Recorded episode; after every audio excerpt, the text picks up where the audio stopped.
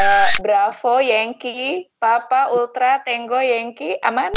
Gue bangga banget ada orang Bekasi dapat boleh dong kita bilangnya Emmy Awards. Boleh, boleh. Lo lo lo yang bilang Bekasi itu planet lain, makan tuh. Ibu-ibu yang membaca nih bakal nurunin anak-anak yang jadi pembaca sepanjang hayat yang yang bakal bikin Indonesia pasti lebih maju dari sekarang. Oh, Cakep. Kadang-kadang kita stereotyping banget ya, mentang-mentang ibu-ibu gitu. Kita oh de, paling bacanya juga Sophie Kinsella tanpa bermaksud merendahkan Sophie Kinsella ya. Oh iya juga ya, gue beliin anak gue tuh buku bisa berset-set mahal-mahal, tapi gue nggak nyonton mereka baca untuk Hmm. apa gitu. ngegas. Putih Nge- ngegas, ngegas. banget kayak. Ngegasnya enak banget.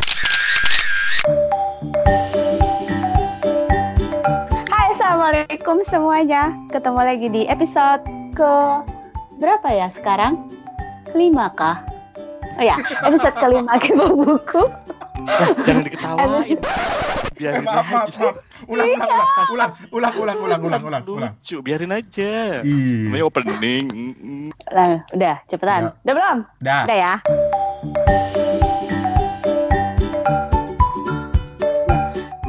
Assalamualaikum semuanya, teman-teman Kepo Buku. Berjumpa lagi dengan tim Kepo Buku. Bareng Opat di Jakarta, kemudian ada Om Rane uh, di Bangkok, Om Toto di Singapura, dan Steven di Ambon. Kali ini episode Kepo Buku kelima, kita kedatangan satu tamu, seorang public figure. Asik. Asa seorang uh, social media influencer, juga penulis, ilustrator, dan banyak uh, penghargaan-penghargaan lainnya yang telah ia dapat. Siapakah dia? Mari kita dengarkan episode kali ini. Oh ya, sebelumnya oh minta maaf ya kalau misalnya biasanya kan yang buka suaranya Om Rane gitu kan yang merdu indah akan tetapi kali ini suara saya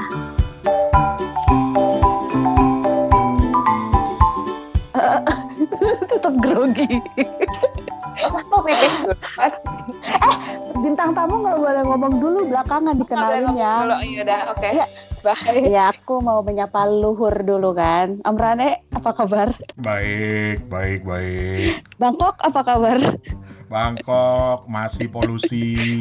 Ya udah sekian cukup terima kasih. Steven bagaimana? Aman, aman. Untung internetnya nyala. Kalau Om Toto, Om Toto kemarin kenapa sih nggak ada? Aku tuh sedih gitu kan kalau nggak ada Om Toto. Oh iya, ada beberapa episode yang nggak ada ya. Tapi alhamdulillah Singapura baik hari ini, walaupun sepi di mana-mana tutup karena pada saat rekaman ini lagi Sincia lagi mulai kami. Eh, Oke. buang si Facahi dulu buat Steven. Oh iya, bener. Selamat tahun Ini baru ya. Steven. Kongsi, kongsi. Angpau. Kongsi Angpau. kongsi. Heh, di mana-mana lu yang ngasih, lu yang tua Iya. juga. Yang lebih tua memberi ke yang muda gitu. Yang Om Toto, Om Rane berarti yang ngasih. Gua mute mikrofonnya gak kedengeran. Ya udah, eh, seperti yang udah dibilang, hari ini kita kedatangan bintang tamu eh, yang membuat Bekasi proud again. Si bintang tamu ini ya, kalau lagi di Instagram itu pasti suka ada hashtag Bekasi proud gitu. Coba kenalan sendiri siapa? Hai, Coba. semuanya. Eh, aku Putih, Putih Puar. Kalau di Instagram itu mungkin orang-orang kenalnya By Putih. Jadi kayak By belum apa-apa udah By Putih gitu. Spellingnya Bu, Eh, Bravo, Yankee, Papa, Ultra, Tango, Yankee, aman? aman aman. Eh, Ibu kerjanya sebagai apa ya? Eh, jadi biasa sih aku ngebutin pertama sebagai blogger, lalu ilustrator, penulis dan penggambar di buku, te- book Hmm. author lah ya. Terus apa ya? Hmm, ya itulah tiga aja dulu cukup. Ibu sih, ibu Oke. dari satu anak. Oh ya, jadi kita bakal ngomongin tentang ilustrator, gimana Putih atau sekilas-sekilas tentang ilustratornya, kemudian soal bukunya, udah berapa buku yang diterbitin Bu?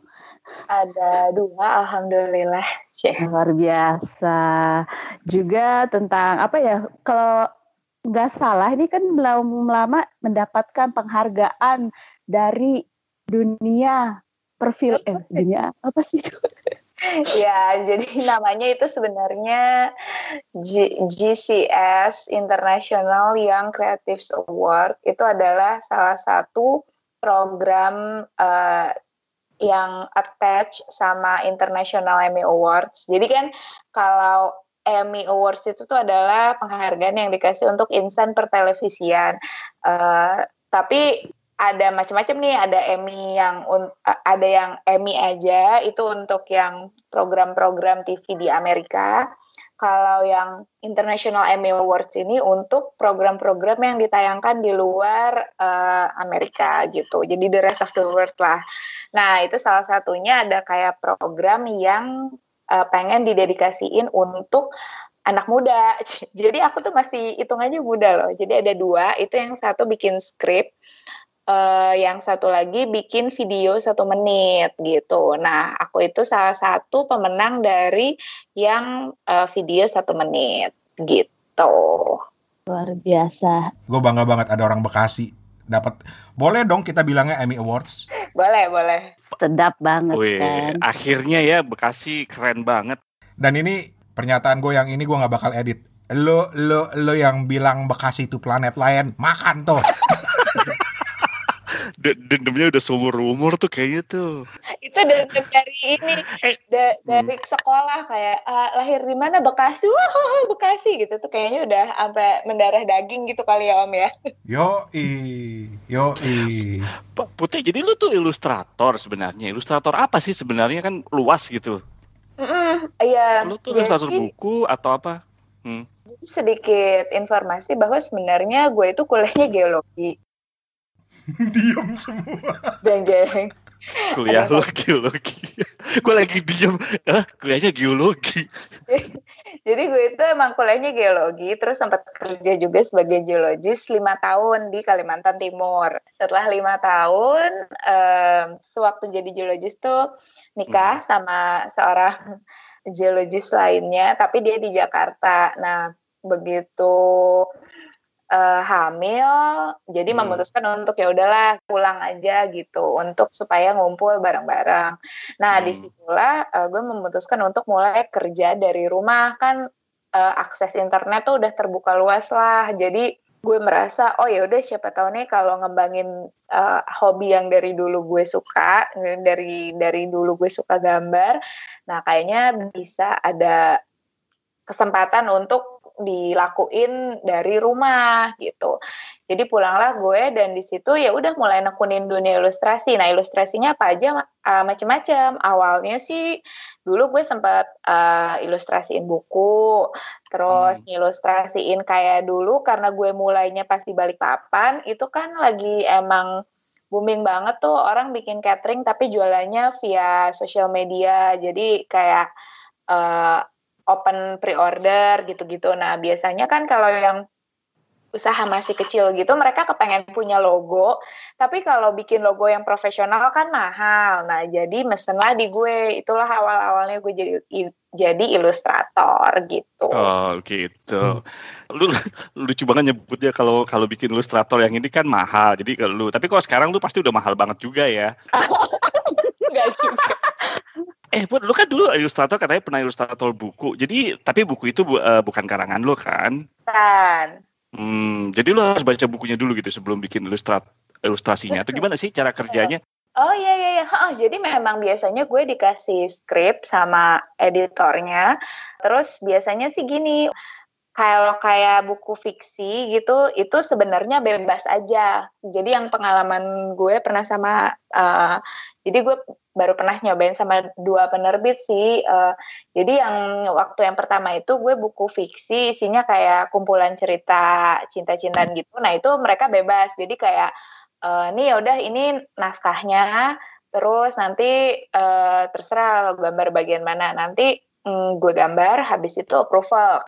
Yang pengalaman pertama gue itu sih alhamdulillah langsung di approve. Jadi hmm. oke. Okay. Nah terus dua buku berikutnya itu uh, bukunya ini lebih spesifik karena si ilustrasi gue ini masuk ke sebagai bagian dari bukunya. Jadi kalau kalau si buku fiksi ini misalnya nggak ada gambarnya oke okay aja. Nah kalau di buku yang berikutnya ini kalau nggak ada gambarnya kurang pas gitu.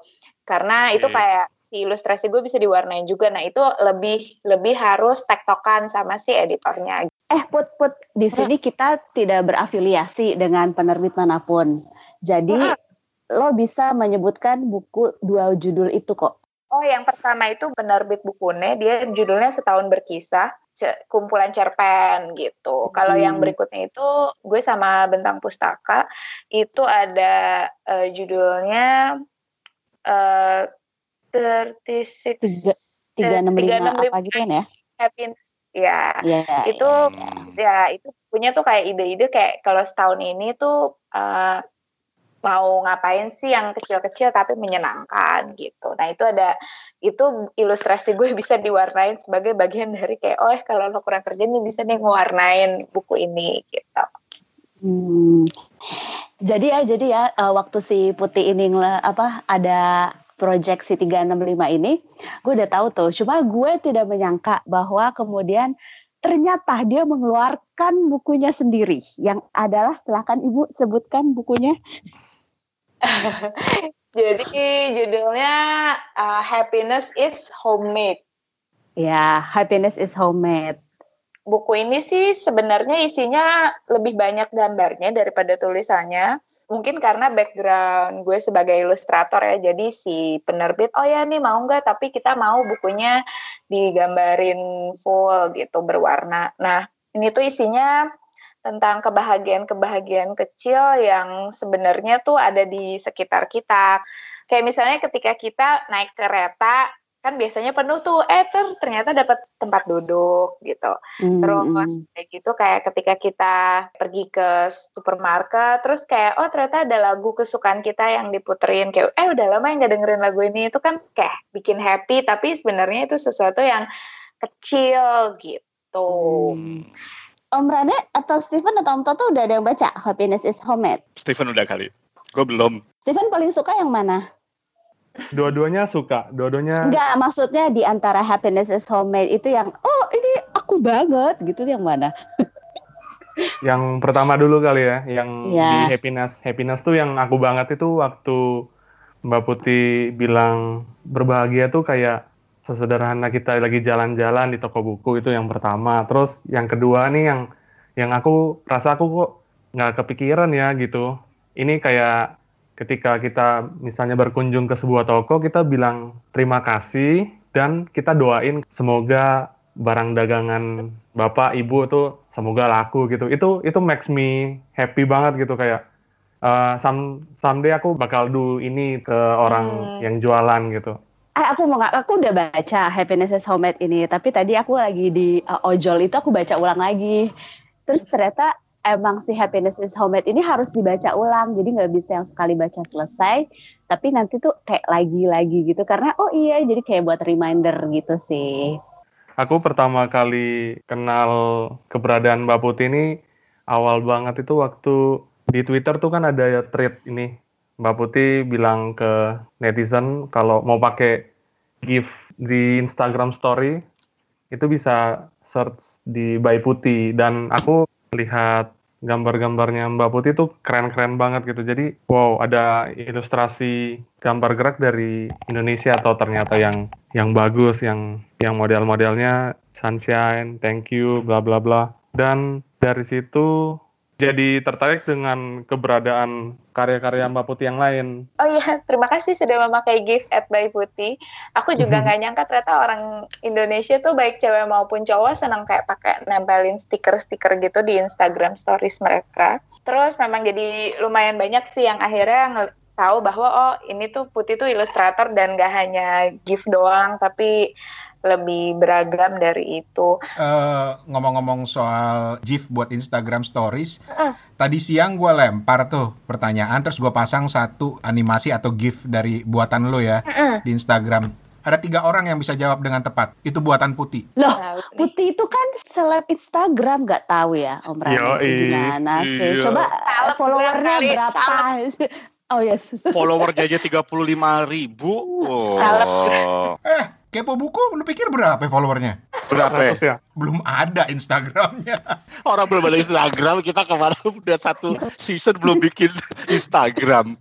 Oh, gimana sih?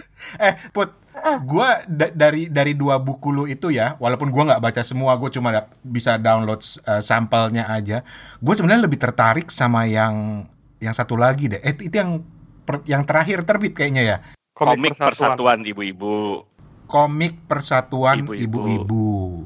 Hmm. Tingkah pola ibu-ibu muda. Oke. Itu itu itu itu komik ya, bukan sekedar buku ilustrasi ya. Eh, dua-duanya memang full gambar, tapi kalau yang komik Persatuan Ibu-Ibu ini tuh lebih komik. Jadi kalau untuk om-om dan tante-tante yang dari dulu suka baca Kobocan, Kobocan atau karya Gekun, itu kan eh karya Gekun ya yang kayak Mm-mm. satu halaman Iya, iya, benar. selesai, satu Benar halaman benar benar. Jadi, nah itu tipe komik ibu-ibu tuh seperti itu. Tapi kalau aku ada yang kayak cuman dua panel, ada yang mungkin cuman satu halaman tuh kayak cuman satu gambar gitu. Eh, dan ini memang menceritakan tentang kayak kehidupan ibu-ibu yang millennial moms gini lah kayaknya gitu. Yang sebenarnya itu datangnya dari curhat aku waktu baru punya anak biasalah kan kayak aduh kok berasa kayak hidup paling berat gitu-gitu nah terus eh, curhat dalam bentuk komik aku share di Instagram oh ternyata kayak ibu-ibu yang lain tuh oh ini ini gue banget nih dan aku perhatiin oh ternyata ini tuh bukan gue doang ya ibu-ibu yang lain tuh juga banyak gitu dan semakin banyak nge-share dan semakin kayak banyak ngobrol-ngobrol oh ya ternyata uh, banyak hal yang gue rasain tuh sebenarnya sama yang dirasain sama ibu-ibu yang lain gitu. Hmm. Eh Bu, tapi ini menarik nih. Kalau gue kan eh, selalu pengen tahu orang kalau seorang komikus kayak lu gitu ya, bikin cerita tuh lu gimana sih? Apakah lu bikin garis besarnya dulu, kemudian baru gambar, atau langsung gambar aja gitu? Maksud gue kan komik ada dialog, ada panel gitu ya. Lu gimana sih kalau seorang komikus tuh bekerja kayak lu gitu? Hmm. Eh, gue nggak tahu kalau yang lain karena Hmm, nggak pernah kalau lu? nggak pernah belajar. Kalau gue sih Hmm. kayak dibikin dulu ide ceritanya. Kayak eh, pertama biasa kan gue tektokan sama editor kayak Mbak ini tuh kira-kira bukunya mau berapa halaman nih gitu. Eh, Hmm. Terus udah gitu hmm, karena yang kayak komik Persatuan Ibu-Ibu ini satu komik selesai satu komik selesai. Jadi berarti kalau misalnya ada 140 halaman ya berarti gue kurang lebih harus nyiapin 140 ide cerita gitu. Jadi eh, paling kalau gue sih nggak terlalu detail dialognya gimana dialognya gimana, tapi eh, setelah gue bikin dulu kayak di satu dokumen eh, gue mau ceritanya ini ini ini, baru nanti gue langsung masuk ke eh, nge-sketch, gue langsung bikin empat, terus gue bikin kayak gambar roughnya dulu, jadi belum detail sama kira-kira dialognya apa gitu. Jadi Hmm. eh, udah dalam bentuk sketch gitu. Jadi setelah ide cerita langsung sketch. Oke, dan lu manual bikinnya ya di kertas gitu. Hmm, enggak digital. Uh, keren. Kayak Rani tuh sekarang udah bikin digital juga tuh. Ya, ya? Wih, multi talent ya Om Rane. Jack of all trade, master of none. Oh, ya penting suruh apa aja bisa gitu ya tapi nggak dapat award gitu beda sama Putih Ahli nggak? Eh, eh. Malah gue tadi agak menyesalkan Toto ngomong putih, oh pasti sekarang putih udah mahal gitu. Padahal gue baru aja pengen bikin cover buat buku podcast gue. Hah, lu toh ah. udah kan udah ngancurin harga ya Yudul mahal itu putih Lu kebayang nggak buku gua isinya halaman kosong aja? Kalau yang bikin covernya putih, orang beli. Tapi ada rencana lagi nggak buat buat eh, bikin buku lagi? sejauh ini belum sih. Hmm, oke. Jadi sebenarnya udah udah banyak yang ah Mbak Putih kan sekarang antariksa udah toddler tuh. Toddler kan kayak banyak banget ide komiknya gitu. Bener sih, ide komiknya udah banyak. Cuman memang harus diakui bahwa kayak dari sekian banyak se- pekerjaan serabutan yang aku lakukan, bikin buku itu yang effortnya paling besar, harus konsentrasi, harus tektokan, dan kal- kalau dari segi penghasilan paling minim. Jadi eh, kayak memang energi banyak energi yang kayak oh ya udah deh nanti aja dulu deh buku gitu. apalagi mungkin komik ya. Menurut gue energi lebih gede bikin komik daripada bikin novel gitu nggak sih? Enggak sih? Gue nggak tahu deh. Hmm, iya iya benar setuju sih. Kalau uh, mungkin karena aku termasuk yang kebiasaan nulis, jadi uh, bikin komik itu lebih lama dibanding kalau yang kayak bikin ngetik, menuangkan idenya lewat um, tulisan. Karena kalau tulisan itu kan boleh panjang, kalau komik itu kan nggak harus kita tuh bisa dapat esensinya dan kita bisa sampaikan dengan sesingkat mungkin dan seminim mungkin. Karena kalau kayak kita perhatiin komik itu kan nggak pernah ada yang dialog dialognya tuh kayak sampai kecil-kecil. Tulisannya kan harus kayak satu kata satu kata saya apa satu kalimat satu kalimat. Nah itu yang sebenarnya memang uh, perlu gimana caranya kita bisa dapat apa yang paling pengen kita sampaikan gitu. Itu yang time consuming ya. Mm. ini aku mau curhat nih sebagai pembacanya blog putih walaupun tidak komen. Jadi tuh putih itu dulu ya, zaman dulu dia tuh nulis tuh serius banget. Entah kenapa sejak nikah punya dia lebih dalam tanda kutip lebih receh ya dia receh itu bukan receh receh jatuh gitu cuma dia lebih lucu lebih luwes lebih gimana gitu. Kalau dulu tuh lebih serius gitu ya Put ya? Ya nggak sih? Mm gitu. dulu mungkin lebih ini juga kali ya lebih banyak galau-galau. Kalau sekarang juga kayak kalau kehidupan keluarga kan kayaknya lebih stabil nggak inilah kalau kayak orang patah hati itu kan kayak lebih banyak karyanya. Kalau ini kan kayak ya udah udah nikah udah kayak udah tinggal mentertawakan kehidupan aja. Hahaha gitu. Enggak juga sih. Opat, opat, pat. Panggilan opat, panggilan opat. Apa? Catet, pat, catet. Iya. Catet kata putih barusan. Belakangan ini put ini nih. belakangan be, be, belakangan ini tuh opat ngegas mulu loh put gue baru sadar oh iya sebentar lagi kan Valentine ya gitu gue baru Nggak ada sadar hubungannya, nggak ada hubungannya ya. Lanjut, Pat. Oke. Nah, itu kan sudah ada si komik Persatuan Ibu-Ibu. Si Putih ini juga membuat perkumpulan ibu-ibu yang gue akhirnya merasa ofensif. Kenapa? Kenapa ibu-ibu? Emang mbak-mbak selo nggak boleh? Gimana, Put? Lo bikin apa sih itu? Perkumpulan apa sih itu? Gue sebel banget. Kayak, apa ini? Gitu kan. Gue kan nggak mau tersisihkan. Gue kan nggak mau FOMO. Gini ngegasnya gini ya Om ya. Persis. Persis gitu Oke. Jadi kalau pertanyaannya Mbak Mbak Slow boleh ikut, bo- boleh banget.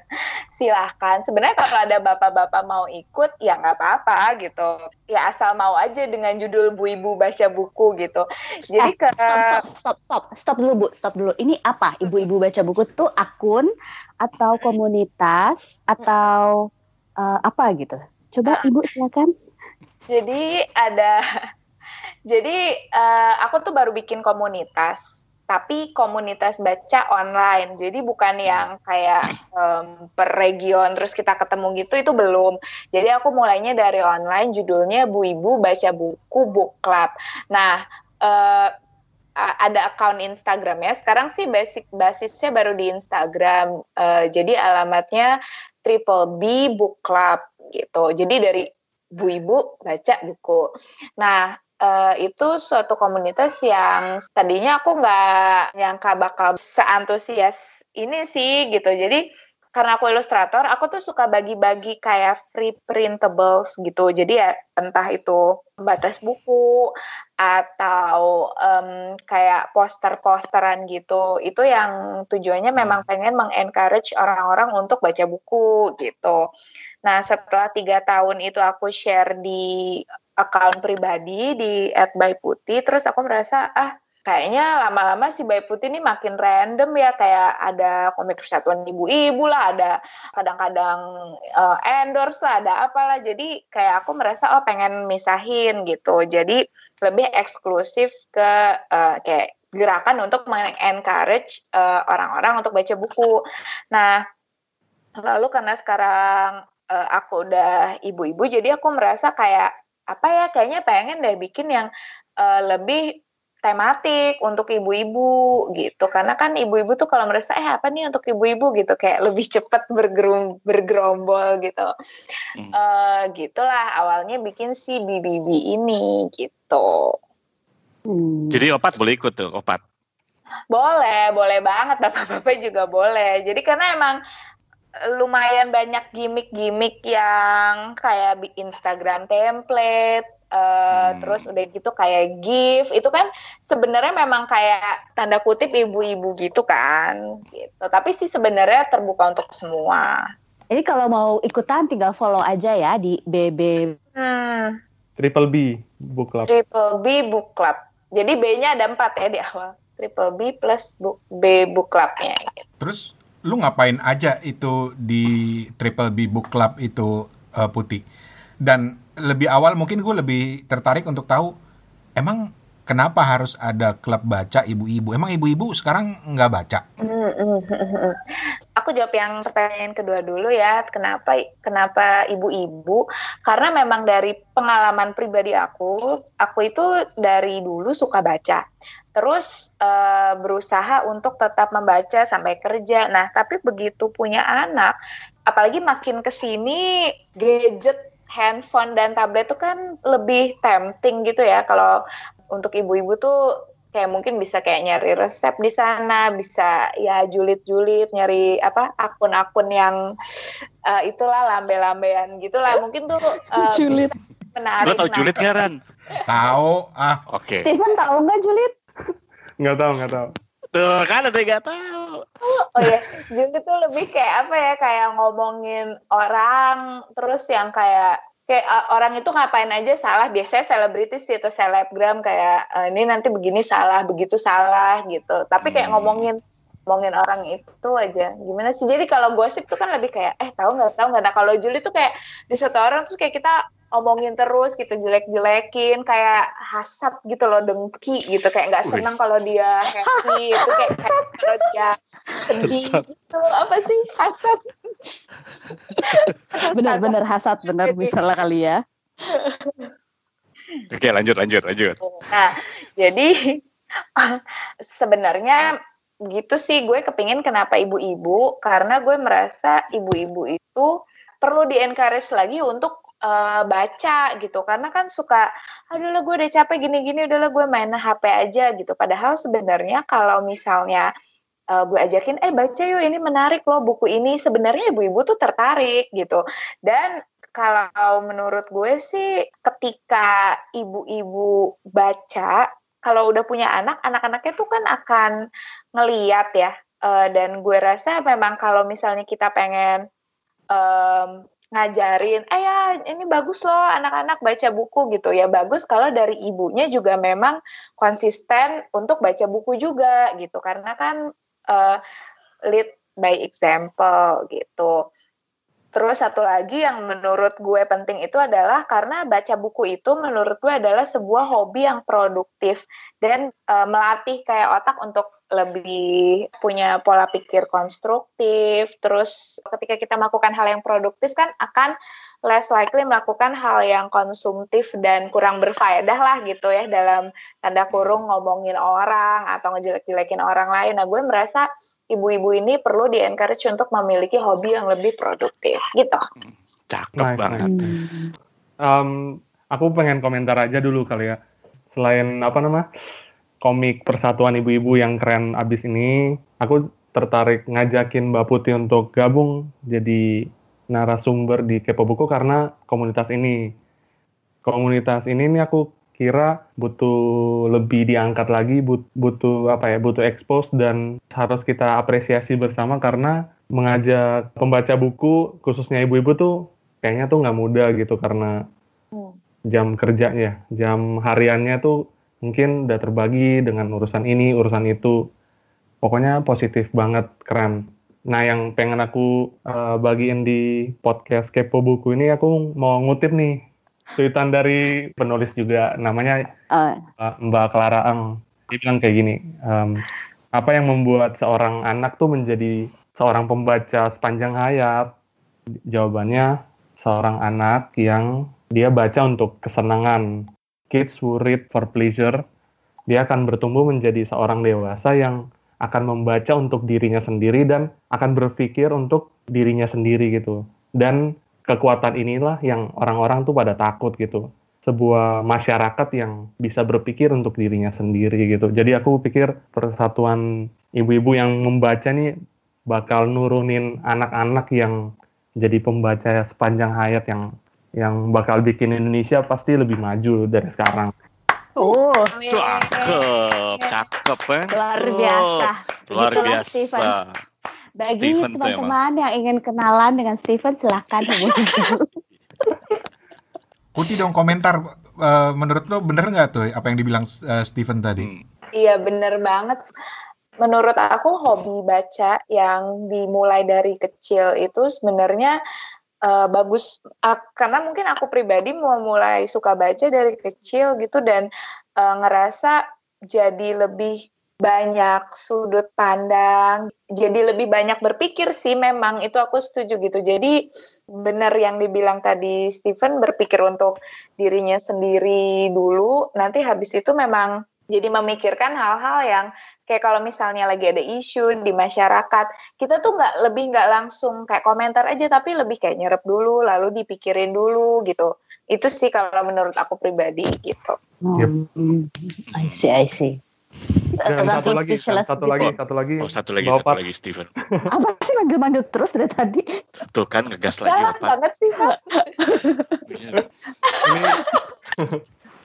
Iya, kalau dilihat nih buku-buku yang dibaca, yang di-share di Instagramnya Book Club ini keren-keren nih. Ada modern romance nih, aku baru lihat nih.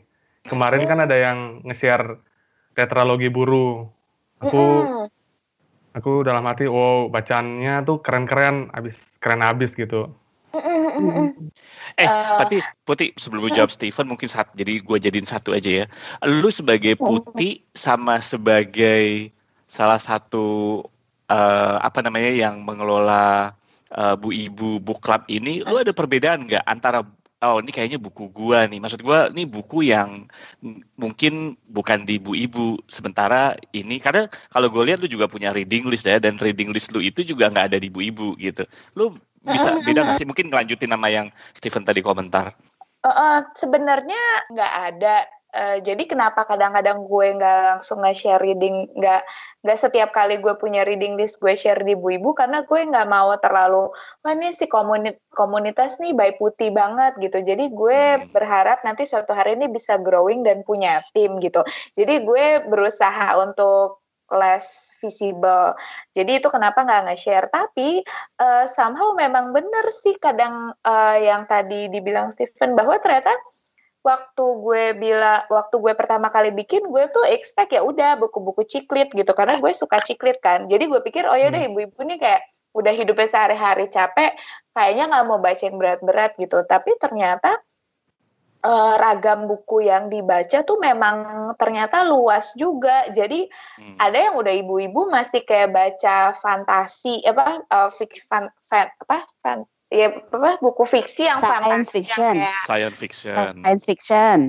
kayak buku-buku eh kayak J.K. Row- J.K. Rowling gitu apa sih itu maksudnya buku-buku yang fantasi lah ada naganya ada apanya yang gue nggak terlalu it's not uh, really my cup of tea. Jadi um, gue oh ternyata ibu-ibu ada yang baca gitu ada yang uh, baca jadi tadi kan gue expect ya udah yang uh, seputar parenting yang seputar um, apa namanya uh, kayak mungkin self improvement gimana caranya supaya kita lebih damai sama diri sendiri. Itu kan yang tadinya ada di bayangan gue gitu. Tapi ternyata ya gitu ada yang nge-share uh, pram ada ada juga yang nge-share uh, Malcolm Gladwell gitu ada juga yang nge-share buku-buku yang sebenarnya nggak gue nggak expect gitu Hmm.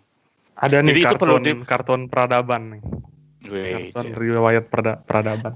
iya Eh, tapi gue berusaha ketika nge-reshare itu gue cari yang se-diverse mungkin gitu. Jadi untuk kayak nge-inspire pembaca lainnya bahwa oh ibu-ibu tuh nggak mesti hanya baca Marie Kondo aja atau apa yang tentang ibu-ibu aja gitu. Jadi ya baca aja juga yang Yuval Noah Harari gitu. Mereka baca juga gitu ternyata. Tapi bener juga ya itu stereotyping yang gue secara pribadi sebelum denger dari lu tuh kadang-kadang kita stereotyping banget ya tentang-tentang ibu-ibu gitu kita oh de, paling bacanya juga Sophie Kinsella tanpa bermaksud merendahkan uh, Sophie Kinsella ya Tan misalnya bacanya apa sih paling Liane Moriarty gitu kan kayak gitu-gitu ya tapi ternyata enggak ya ternyata topik-topik berat pun mereka baca sebenarnya Mbak Opat Mbak Opat aku nanya ya Mbak Opat Oh, apaan? Tuh kan, Kan udah, lagi udah kan? minta izin, udah minta izin aja tetap digas ya Ran ya. Makanya gue gak minta izin langsung aja potong. Mungkin ini terakhir sebelum kita pindah topik. Bu Ibu Book Club tadi, Mm-mm. Gue misalnya mau ngajak bini gue nih ikut gitu karena bini gue juga suka baca buku. Apa yang di, bisa diharapkan? Apa yang bisa didapat? Misalnya kegiatannya ngapain aja atau sharing buku-bukunya aja di Instagram atau ada kopdarnya atau ada kegiatan yang lebih luas lagi. Jadi so far kalau untuk mau join pun hanya follow aja. Terus kalau misalnya kita punya reading list itu kita bisa share pakai hashtag Bu Ibu Baca Buku. Uh, lalu sebenarnya kita di awal tahun itu ada yang namanya reading challenge. Jadi ini adalah salah satu gimmick yang menurut gue bisa membuat si BBB Book Club ini tuh lumayan banyak yang excited karena uh, itu ada namanya reading challenge. Jadi sebenarnya kayak di Instagram Stories gue cuman bikin template this year I would like to read uh, titik-titik buku gitu. Nah, ternyata cukup banyak yang ikutan challenge ini gitu. Nah, terus harapannya adalah orang-orang nge-share reading list baik itu di uh, di Instagram feed ataupun di Instagram stories untuk ngitung mereka benar nggak sih mencapai si reading challenge yang mereka set di awal tahun gitu. Karena menurut gue ketika kita kayak kayak udah di awal ah pokoknya gue tahun ini gue mau baca sekian buku nih gitu.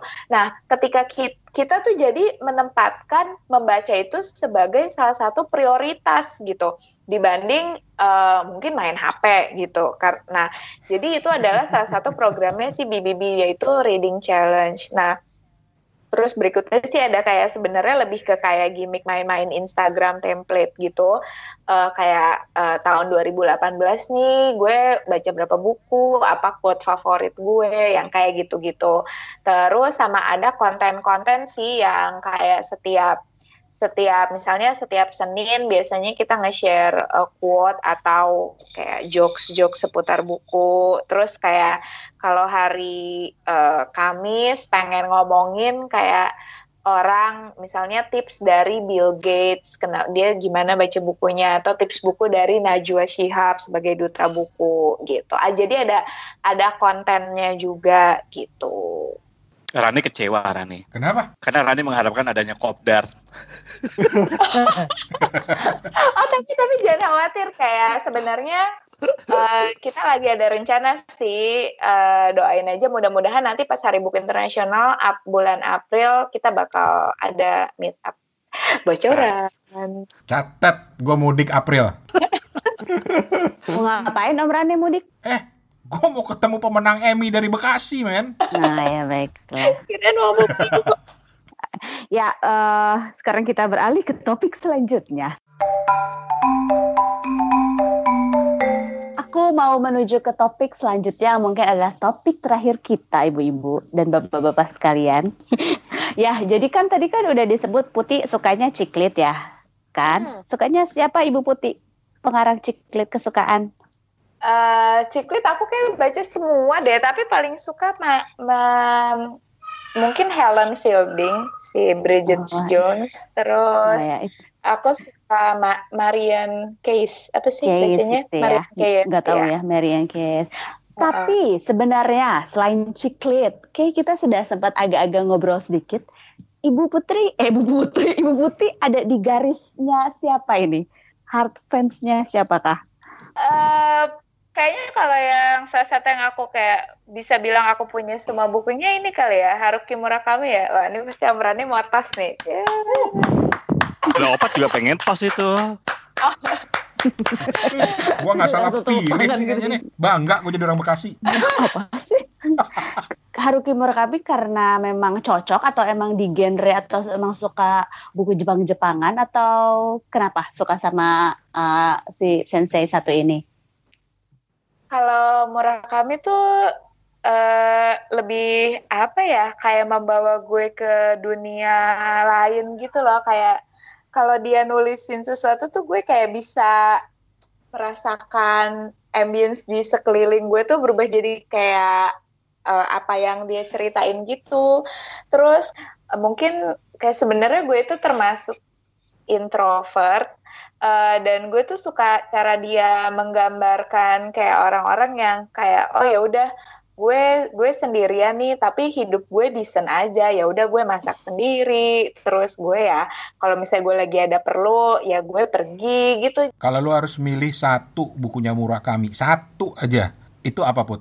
Hmm, yang bukunya kayak tipis deh. Apa bingung. Apaan After Dark bukan? Sputnik Lover. Uh, Iya ya After Dark ya, iya iya ya After Dark yang di Tokyo. Terus uh, sama yang terakhir ini yang Killing Com Commander, Commander itu juga suka kok.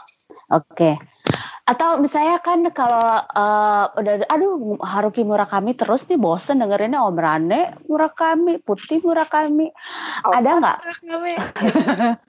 ada nggak rekomendasi buku lain? Uh, Sebenarnya bukunya bukan buku baru ya, tapi kalau penulis lain yang mungkin gue uh, hampir punya semua itu Jumpa Lahiri. Uh, jum, Jumpa Lahiri dia itu uh, orang uh, diasporanya India yang ada di Amerika dia kayak banyak nyeritain tentang kehidupan uh, orang India yang terus kemudian berkomunitas dan um, menetap di uh, United States. Uh, terus yang gue suka juga itu um, Jonathan Safranfour itu kayaknya kayak kalau ditanya apa yang lo paling apa kayak salah satu buku yang lo favorit dalam hidup tuh si Jonathan Safran for uh, yang Extremely Loud Incredi and Incredibly Close. Uh, yang ada filmnya itu kan ya?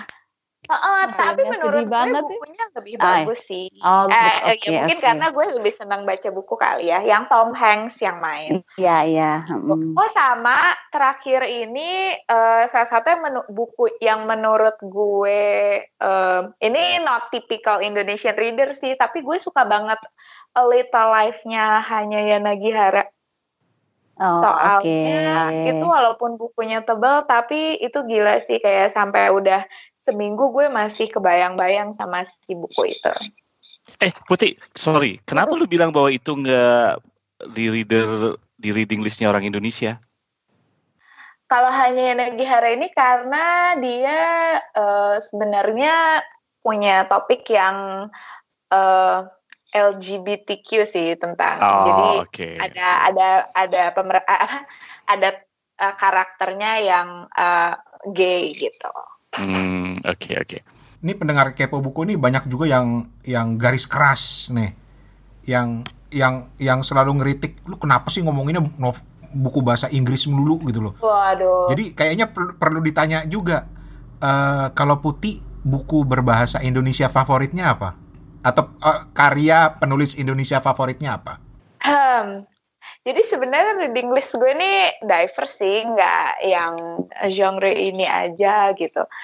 Tapi kalau penulis Indonesia siapa ya?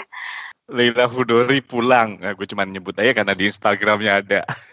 Iya iya iya, belum selesai juga sih gue baca ini laut bercerita, tapi mungkin yang recently gue uh, uh, kayak Dewi Lestari itu gue baca beberapa, tapi yang terakhir gue baca Aroma Karsa tuh menurut gue sangat berkesan banget sih bagus gue suka banget sama mungkin Gunawan Muhammad ya Gunawan Muhammad tapi mungkin itu lebih eh, non fiksi iya kalau ditanyain all time favoritnya Mbak Putih apa Ah, itu kali ya tadi si Jonathan Safranfour itu. Oh, kalau yang Indonesia?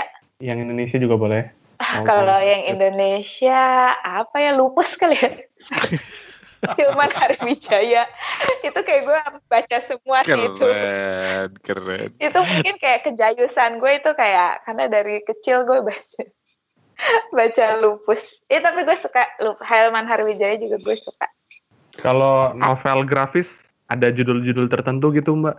Atau mungkin style-style yang terpengaruh dari komik-komik tersebut? Hmm, novel grafis sih mungkin dari dulu aku suka baca kayak Sailor Moon, Cardcaptor Sakura, Doraemon. Kalau yang sampai sekarang masih baca Ah. sih paling Hai Iko. Oh Miko. Ya ampun, Miko. Nah, buat para ibu-ibu anggota BBB Book Club lo dan juga para ibu-ibu lain yang punya yang hobi membaca dan juga mbak-mbak slow kayak Opat misalnya juga yang mau jadi anggota gitu ya. Apa sih yang bisa lu bagi tentang serunya membaca? Em, gue malah kadang-kadang tuh kalau kayak ke ibu-ibu tuh yang akhirnya mereka eh, tertarik untuk kayak oh ya ya kayaknya mungkin gue harus mulai baca buku lagi gitu karena biasanya banyak yang kasusnya adalah mereka dulu suka baca tapi setelah kayak eh, setelah kuliah setelah Hmm. kerja mereka tuh merasa nggak punya waktu untuk baca. Dan setelah gue ingetin ayo baca tuh asik loh seru loh gitu. Daripada lo main handphone terus gitu. Em, biasa mereka suka oh iya ya iya juga. Dan yang kedua sih yang memang eh, kan ibu-ibu tuh banyak ya yang senang kayak coba aja deh kalau kayak lagi acara diskonan Big Bad Wolf itu ibu-ibu tuh kayak heboh banget kepengen beliin anak-anaknya buku-buku ya kayak bisa sampai kalap banget sebanyak itu gitu loh. Tapi gue suka ngomong, lo anak-anak lo kayak, nih mama beliin baca buku bagus, lo tahu baca buku itu bagus buat anak lo. Tapi kalau lo nggak contohin, anak lo tuh juga yang nggak akan tertarik. Toh dia ngelihat lo main handphone ya, dia akan merasa, oh ya lebih menarik main handphone daripada baca buku juga gitu. Jadi lo juga harus menjadi role model sebagai pembaca untuk anak lo. Biasanya kalau ibu-ibu kayak gue kayak gituin, mereka tuh, oh ya juga ya, gue beliin anak gue tuh buku bisa berset-set mahal-mahal, tapi gue nggak nyontoin mereka baca untuk Hmm. apa gitu. Mungkin itu kali Sedap. kalau yang Cakep, cakep. Ngegas. Cakep. Putih Nge- ngegas, ngegas. banget kayak. Ngegasnya enak banget tuh. Nanti abis itu sama Rani bakal dikasih echo tuh. Baiklah, thank you Putih sudah mau dihadirkan ke Kepo Buku. Thank you Putih. sama-sama. Semuanya Iya. terima kasih juga. Terima kasih. Sukses selalu ya. Terima kasih. Salam buat keluarganya.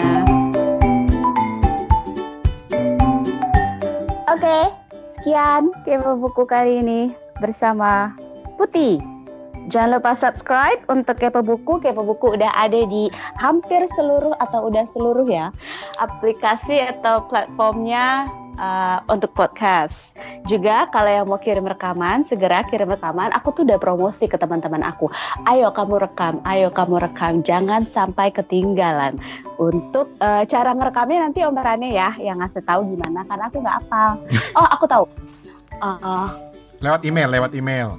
lewat email. email di suarane at gmail.com atau di WhatsApp kirim ke nomornya aku nggak hafal nanti biar Om Rane yang ngomong tapi ke bit.ly slash ikut kepo buku Iya, betul.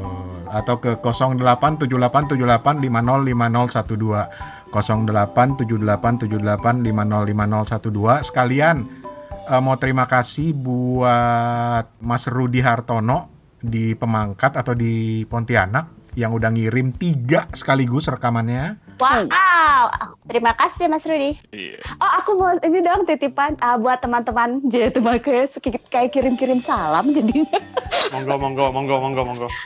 buat teman-teman joglo segera kalian kirim kalau tidak awas Joglo itu apa? Ah, udahlah. Grup tetangga sebelah. Ya, Steve. Oh, Steven juga anggota?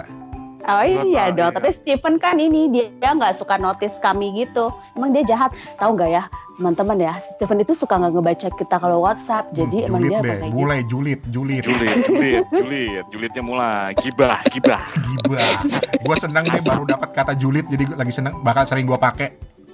Oh ya sekalian juga makasih buat di Instagram yang udah langsung bisa nebak siapa tamu kita. Ada Lia eh, handle eh, Instagramnya Lia Namaku. Terus ada handle Instagram Pop Smile Podcast dan juga ada Brendan Dope, Brendan Dope. Thank you. Wah, Lu bisa nebak keren ya.